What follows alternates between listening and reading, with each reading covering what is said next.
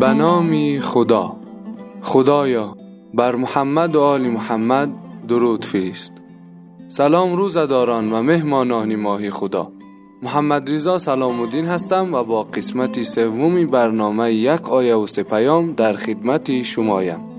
انشاءالله هر روز در ماه شریف رمضان مهمان شما خواهم بود. ماه رمضان بهار قرآن و هدایت.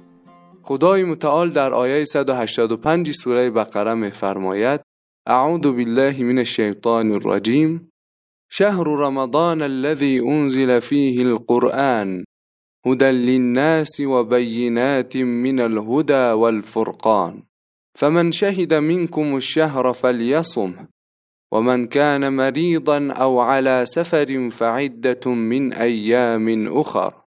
يريد الله بكم اليسر ولا يريد بكم العسر ولتكملوا العدة ولتكبروا الله على ما هداكم ولعلكم تشكرون ماهی رمضان ماه است که قرآن برای هدایت انسانها و جدا کردن حق از باطل در آن نازل شده است.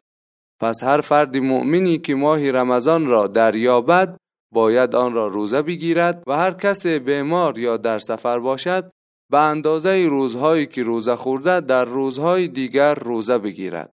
خداوند برای شما آسانی می‌خواهد و سختی را نمی‌خواهد و خداوند می‌خواهد تا با قضای روزه تعدادی روزه را کامل کنید و خداوند را به خاطر این که شما را هدایت کرد با عظمت یاد نمایید و این نعمت بزرگ را سپاس گذاری کنید. پیام هایی که از این آیه می آموزه. یک عظمت ماه رمضان به خاطر نازل شدن قرآن در آن است و انسان هم به اندازه فکر و عمل قرآنیش ارزشمند می شود. دو روزه در ماه رمضان فرض است و بیمار و مسافر باید قضا بگیرند و قضای روزه زمان معین ندارد. سه خداوند بر ما بندگانش آسان می‌گیرد و سخت نمی‌گیرد و خیر ما را می‌خواهد. ما هم وظیفه داریم از خدا به خاطر نعمت هدایتش تشکر کنیم. خدایا و ما توفیق روزه ماه رمضان و بهرمندی از هدایت قرآن بده و زبان و قلب ما را شاکر گردان و به بیماران شفا و به مسافران سفری امن و بازگشتی با برکت عطا کن تا برنامه بعد خدا نگهدار